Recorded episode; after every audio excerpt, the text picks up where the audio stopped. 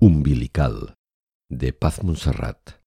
Relato ganador en la categoría castellano de la séptima edición del microconcurso de la microbiblioteca Esteba Paluzie de Barberà del Vallès 2018. Voz Maribel Gutiérrez de veu alta, enveualta.cat.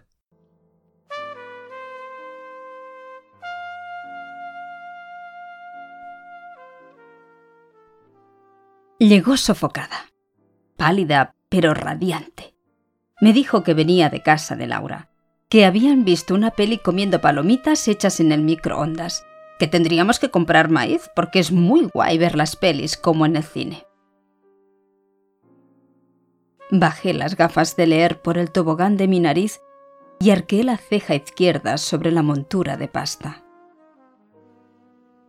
¿Qué qué tal me había ido el día? Me soltó el perfil de su silueta mientras se esfumaba hacia su habitación. Cerré el libro dejando mi mano atrapada por el cepo de papel. La boca acompañó a la ceja en su movimiento ascendente. Bien. Luego se derrumbó todo el conjunto. No pregunté nada.